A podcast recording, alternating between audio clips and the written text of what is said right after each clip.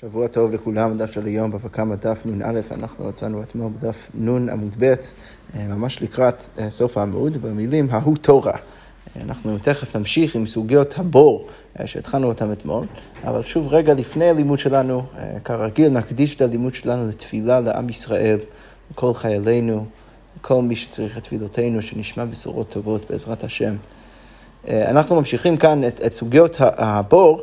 אה, וראינו אתמול, רק להזכיר, ראינו אתמול מחלוקת אה, מאוד מפורסמת בין רב ושמואל סביב השאלה האם אה, מה שעושה את ה... מה שמחייב את בעל הבור לשלם על הנזק שהבור שלו גורם זה, ה... זה האוויר, זה ההבל של הבור עצמו, או האם זה החבטה על גבי הקרקע וקרקעית הבור. אז הגמרא אומרת, ההוא תורא דנפל לאריתא דדלאי. אז היה איזשהו שור שנפל לתוך איזשהו אמת המים. עכשיו, אמת המים, רש"י מסביר שההנחה היא שהוא עמוק רק אה, אמה. אה, שאמה זה בדרך כלל שישה טפחים. אז, אז הגמרא מסבירה שמה אותו בעל השור עשה? שחטי מרי. אז אותו בעל השור, לפני שהשור שלו נפטר, הוא אולי חשב שהשור שלו הולך למות, אז הוא ניסה, במקום לאבד את כל הכסף של השור, הוא שחט את השור כדי לפחות להרוויח את הבשר של השור.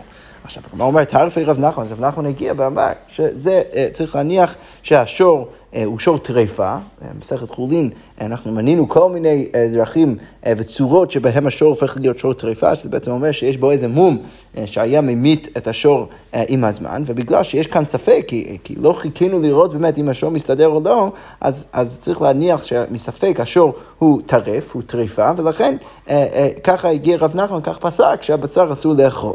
אז הגמרא אומרת, אמר רב נחמן, אישוקל מרי דהי תורא קבא דקמחה, אם בעל השור הזה היה אה, משתמש, בוא נגיד שכל שעה הוא מרוויח כמות מסוים של כסף אה, שאפשר למדוד אותו בקו של קמח, אז אם הוא היה משלם את הקו של קמח הזה במקום, ללמוד, במקום לעבוד ולהרוויח את הכסף הזה, ועוזר אותנו בבית מדרש, והיה מגיע לבית המדרש כדי לשאול אותנו מה צריך לעשות בכלל עם השור הזה, אז מה היינו אומרים לו? אם שעתה מעת לעת כשרה, שאם הוא מחכה 24 שעות כמו שצריך, ואפשר לראות שהשור עוד עומד והוא עוד חי, אז אפשר להניח שהוא לא, אה, שהוא לא טרף, ולכן אחרי השחיטה היינו באמת מכשירים את השור. ולכן אם הוא היה עושה את זה, אז לא אף צדי לתורה דשווה כמה קבי, אז הוא לא היה מפסיד את השור שהוא שווה כמה קבים.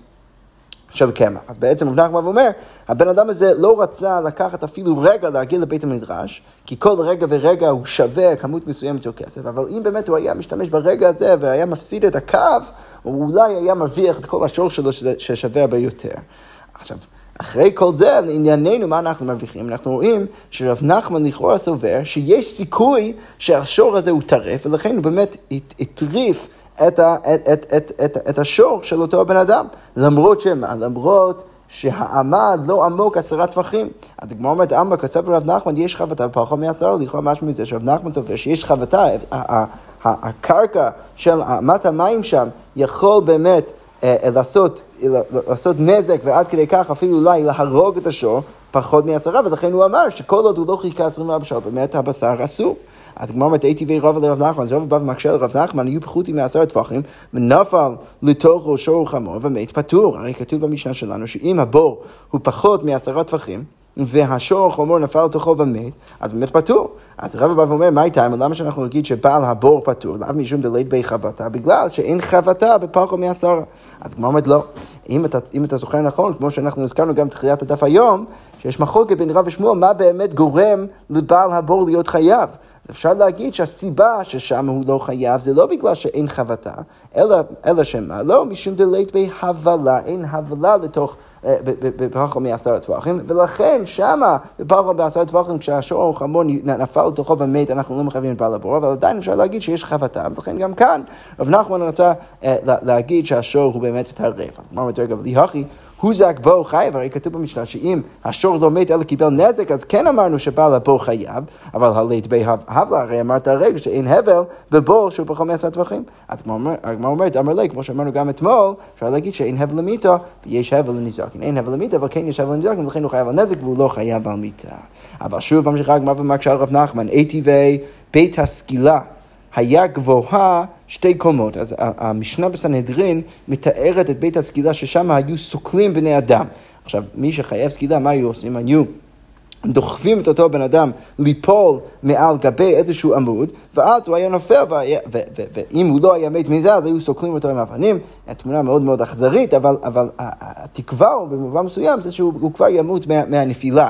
אז הבית הסקילה היה גבוה שתי קומות. ותניא לה, ועל גבי המשנה אמרנו, וכל מה שלא, הרי כאן שלוש. כי הוא גם כן בן אדם, כל בן אדם שווה קומה בגובה שלו, ולכן יוצא שסך הכל הוא נופל שלוש קומות.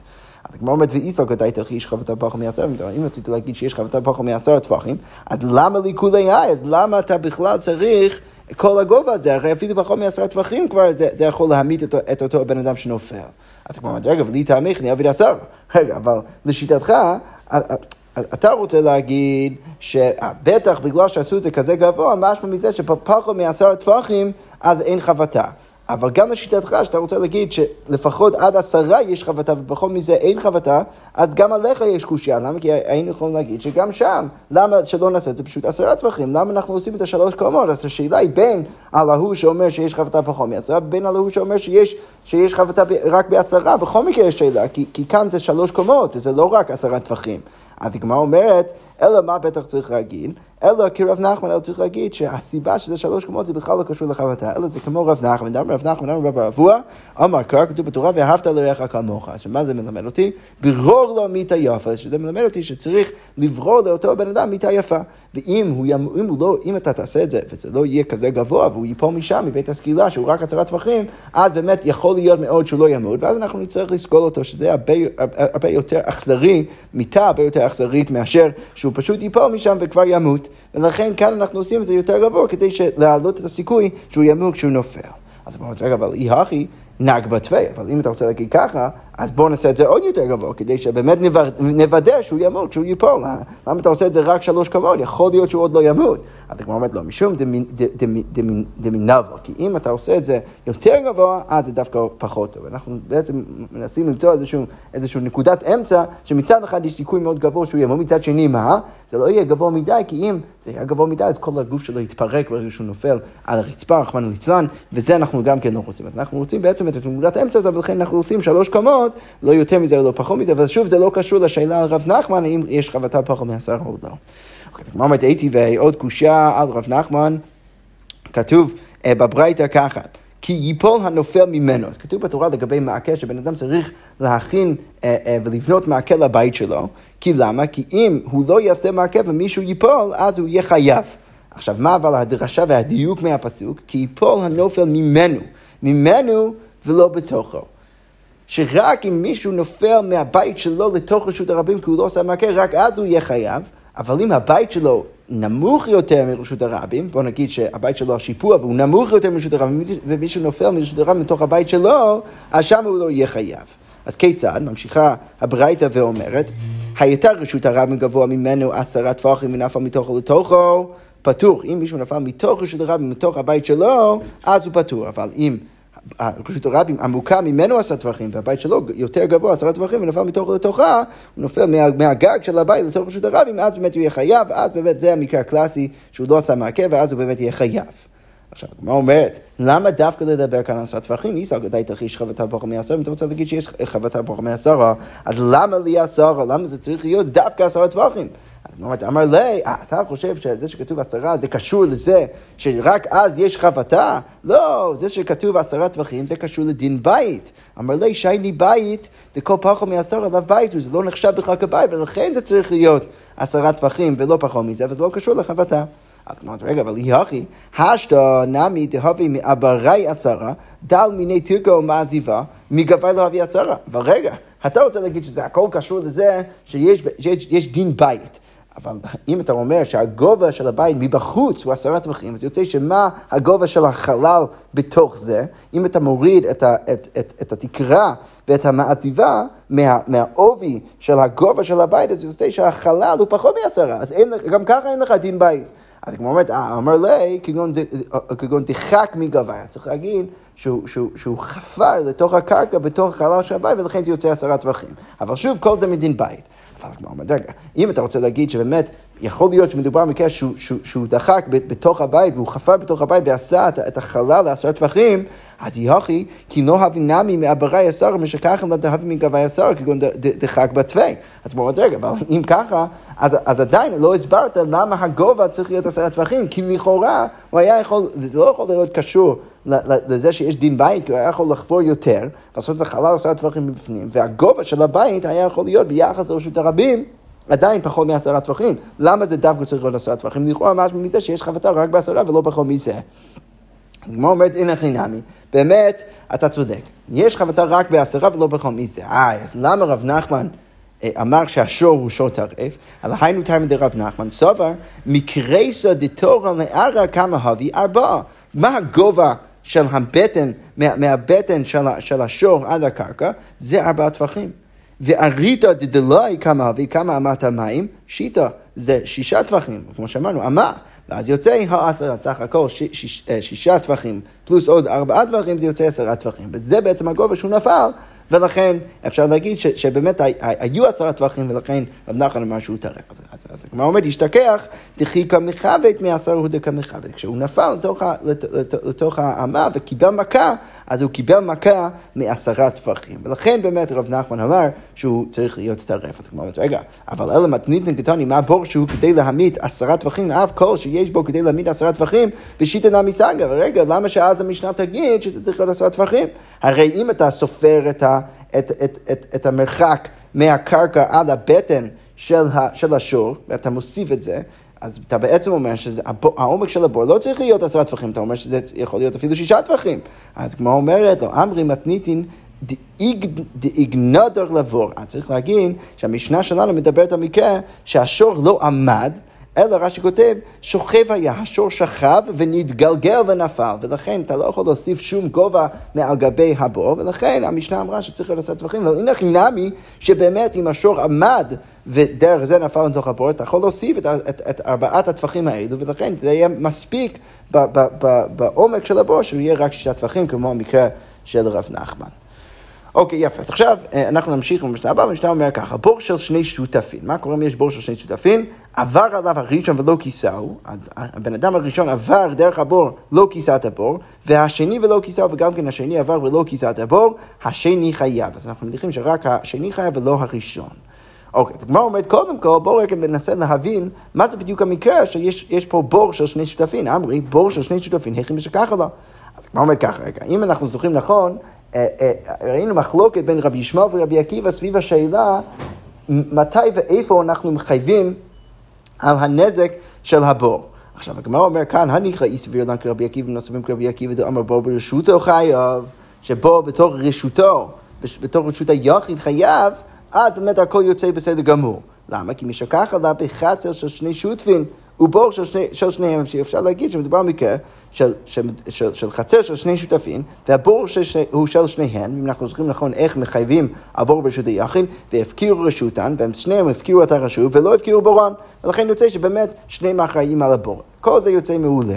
אבל אלא אי סבירה לן בור ברשות הפטור, אם אתה רוצה להגיד שבור בתוך רשותו זה פטור, אז בעצם צריך להגיד שמדובר על בור ברשות הרבים, אז איך אם נשכח לתחייב עלי ברשות הרבים, אז יכול להיות שיש פה בור של שני שותפים ברשות הרבים.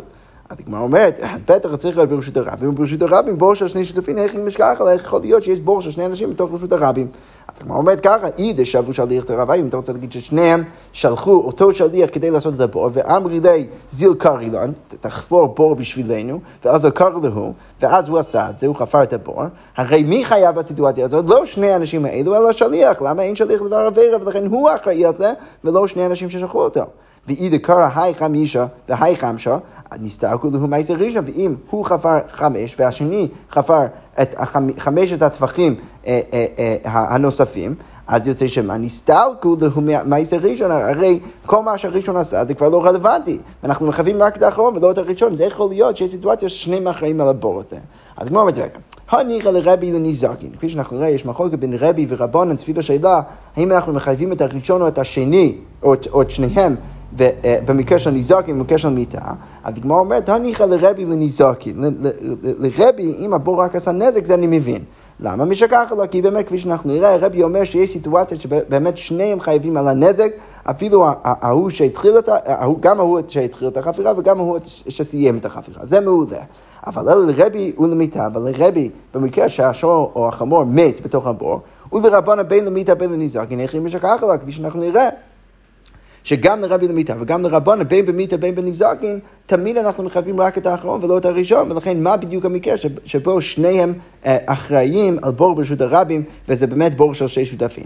הדגמר אומרת, אמר רבי יוחנן, כגון שעכו שניהם חוליה בבת אחת. צריך להגיד שהם שניהם, או שניהם חפרו עד אה, תשע, או שאחד מהם חפר עד תשע, ואז הרגע של החפירה שהשלים את זה להיות עשרה, שניהם עשו ביחד, בבת אחת, והשלימו לעשרה, ודרך זה הם השלימו את הבור להיות עשרה.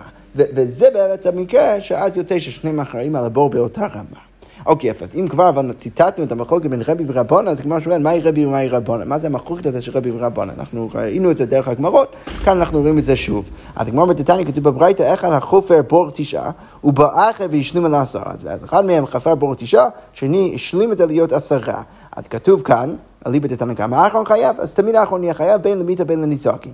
רבי אומר, אחר האחרון למיתה, אכן, אנחנו הולכים אחרי האחרון, רק הוא חייב במיתה, אבל אחר שניהם לניזוקין.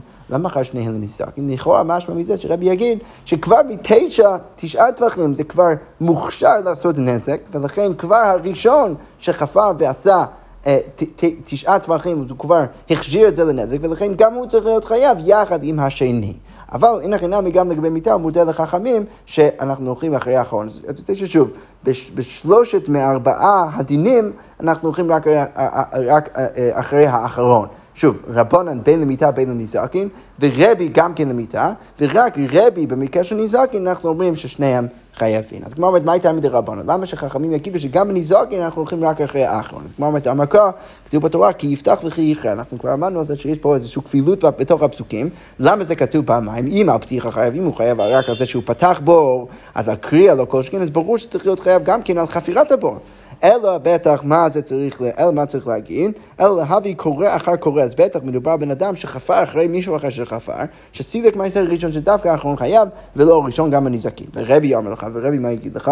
הנו מצרך צריך, אנחנו צריכים את כי יחרה וכי יפתח, כי דאמרנו, כמו שאמרנו אתמול, שצריך את שניהם, כל אחד מלמד אותי משהו לגבי השאלה של כיסוי הבור, לא ניכנס לזה כמו שאמרנו אתמול.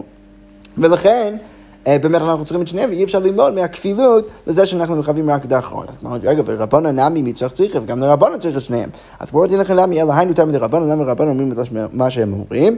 כי אומר קרא, כתוב בתורה, כי יכרה איש בור, אחד ולא שניים, דווקא בן אדם אחד, ואותו אנחנו מחייבים ולא שניים. אז כבר אומרת רבי, ההוא מבאי אלי כי יכרה איש בור, ולא שור בו דווקא איש שחופר את הבור, ולא שור שחופר את הבור, דווקא שם אנחנו מחייבים אותו רק אם הוא עשה את זה, ולא, ולא אם השור שלו עשה את זה. אוקיי, אז רבנן, איך הם לומדים את הדין הזה? תראה איש בור כתיב וכתוב פעמיים, איש בור. אז אחד מלמד אותי שדווקא, אה, שדווקא האיש ולא השור, ואחד מלמד אותי שאני מחייב רק אחד ולא השני. כלומר, אומרת רבי, למה כתוב פעמיים? הייתי דכתב היי, כתב היי. זה לא מלמד אותי משהו חדש, אלא אם כבר אני אומר איש בור, בביטוי הראשון, כי יפתח איש בור, אני אומר את זה גם כן כי יכרה איש בור, אבל זה לא למד אותי דין חדש. אוקיי, אז כמו אומרת בסדר, אז אני מבין למה חכמים מחייבים רק אחד מהם ולא את השני, אבל ממאי דלכי ובאת? מאיפה אתה יודע שזה דווקא בא לחייב את השני? דימה לחייב וכמה, אולי זה בא לחייב דווקא את הראשון. אז כמו אומרת לא עושה תוך דאמר קרא והמת יהיה לו, כתוב בהמשך שבעל הבור צריך לשלם והמת יהיה לו, אז ההוא דקרא במיתה הוא שבאמת אה, אה, הכשיר את הבור למיתה, אז הוא דווקא הוא חייב.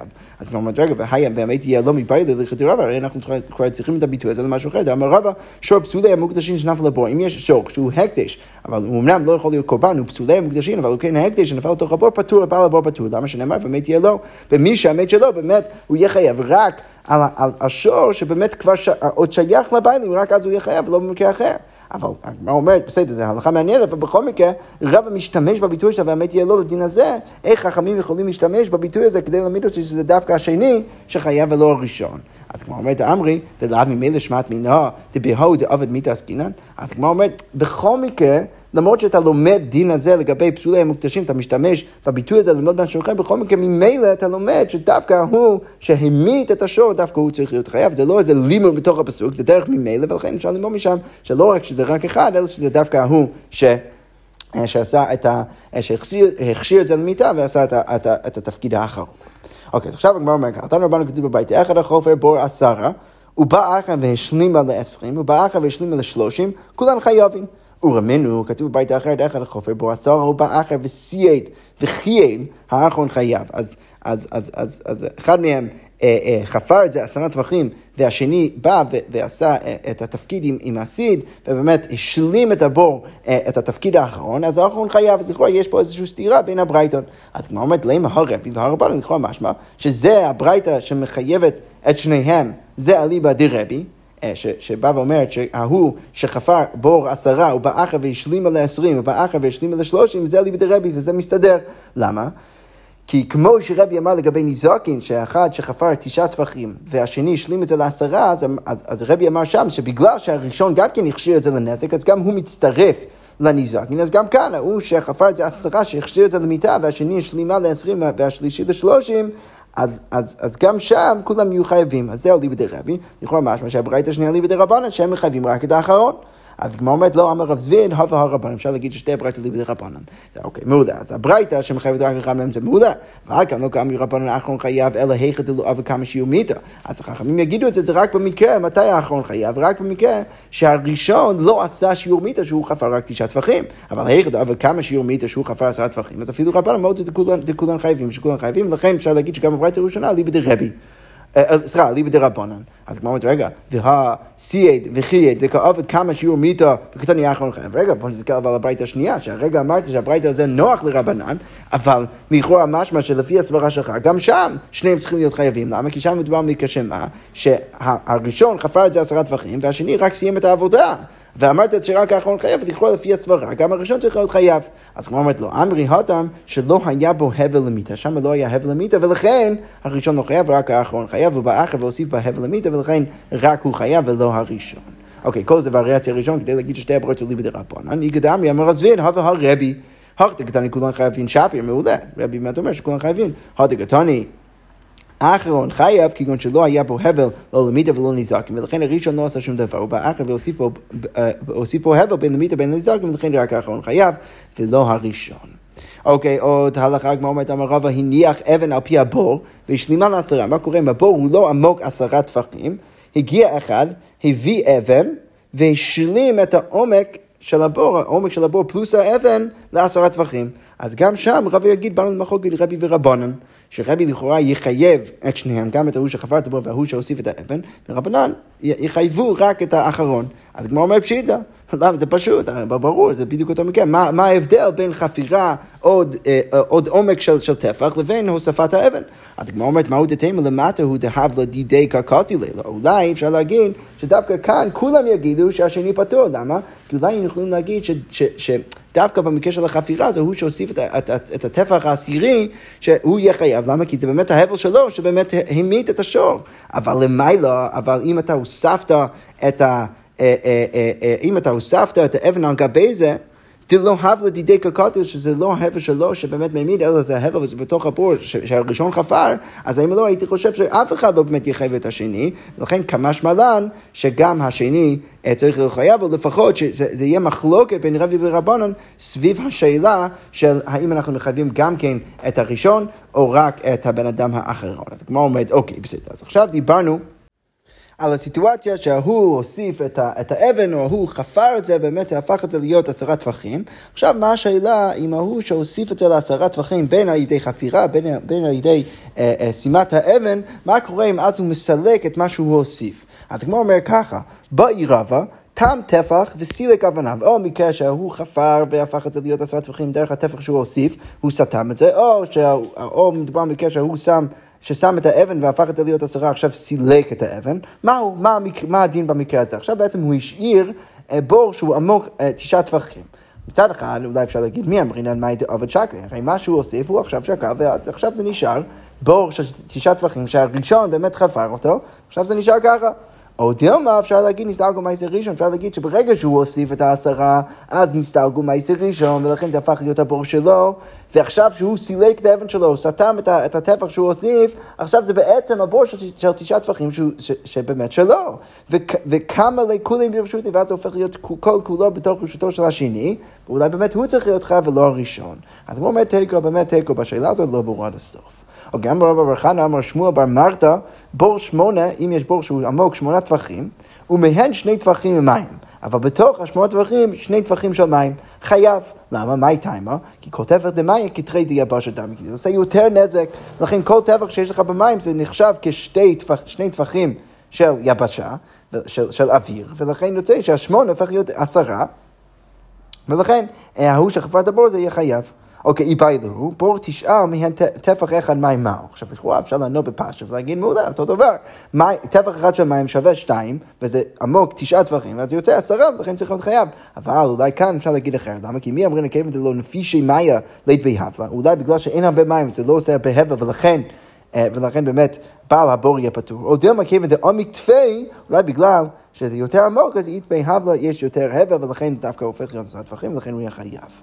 אוקיי, בור שבעה, ומהן שלושה טפחים מים, מהו, מה נגיד? מי אמרין כיוון דנפי שמאי התווי אית בי הבלה, ולכן זה יוצא עשרה טפחים, ולכן הוא חייב. או דילמה, כיוון דלא לא עמיק, זה לא עמוק, לית בי הבלה, הבור בסוף הוא לא כזה עמוק, ולכן אין מספיק הבל, ולכן, ולכן אולי הוא יהיה אה, פטור, כמו אומרת, גם שם תיקו על השאלות האלו. אוקיי, באמיני רב שיזבי מרבה, הרחיבה מהו, מה קורה אם יש בור? של עשרה טפחים, ובן אדם אחר הגיע ומרחיב את הבור. אז הגמרא אומרת, אמר לי, הרי מיעט הבלה, הרי הוא מיעט את ההמה, ולכן הוא לא חייב. אז הגמרא אומרת, אמר לי, אדרבה, הקירי וזגה. הרי ההוא, השור שעכשיו נפל מאיזה צד מסוים של הבור, הוא נפל לשם בגלל שהוא הרחיב את זה לשם. אבל אם הוא לא היה מרחיב, אז השור לא היה נופל. מצד אחד הוא, הוא, הוא, הוא, ממעט את ההבל, מצד שני הוא, מקרב את, את הנזק, ולכן אולי צריך להיות חייב. אז הגמרא אומרת, אלא אמר רב אשי, נחזיאנה, בוא נסתכל.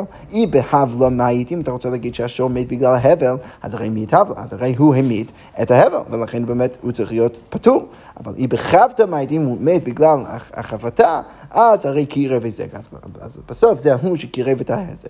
כדאמר עוד אפשרות, אמר רב אשי, נחזיאנה, בוא נסתכל, אם ההיא גיסא נפל, אם הוא נפל מאותו הצד שהוא חפר, הרי קירב היזק, הרי הוא ההוא שקירב את זה. אם מאידך גיסא נפל, האם הוא נפל בתוך הצד השני, אז הרי מי התאבלה, ולכן ברור שהוא לא חייב, ורק הראשון יהיה חייב. אוקיי, איתמר. בור שעומקה כרוחבה. מה קורה עם העומק של הבור בדיוק כמו הרוחב של הבור? אז כמו אומרת רבי רב יוסי דמי דרבי משמי דרבי בר חנא דאמר משמי דרבי מני, שיש מחלוקת בדבר, אחד אמר לעולם יש, יש בה הבל. עד שיהיה רוחבה יתר עומקה. אז אחד מהם אומר שתמיד יש הבל בבור, עד שהרוחב הוא יותר מהעומק. אבל כל עוד הוא אפילו שווה לעומק, אז באמת צריך להגיד שיש הבל ולכן הוא יהיה חייב. אה, וחד אמר, לעולם אין בה הבל עד שיהיה עומקה יתר ארוך בה. ואחד מהם אומר שצריך להניח שאין הבל, אלא אם כן העומק יותר מהרוחב. ולכן ההוא... אה, אה, שחפר בור שעומקה כרוחבה, אז עכשיו באנו למחלוקת בין שתי המסורות, האם הוא יהיה חייב. אם אתה סובר ש... כל עוד העומק שווה לרוחב, אז עדיין יש הבל, אז הוא יהיה חייב. אם אתה סובר שיהיה הבל רק במקרה שהעומק יותר מהרוחב, אז רק אז אתה תהיה חייב במקרה הזה, אבל אתה תהיה פטור. אוקיי, עבר עליו הראשון ולא כיסה. אמרנו במשנה שעד עכשיו אנחנו רק טיפלנו בשאלה אה, של שני שותפים.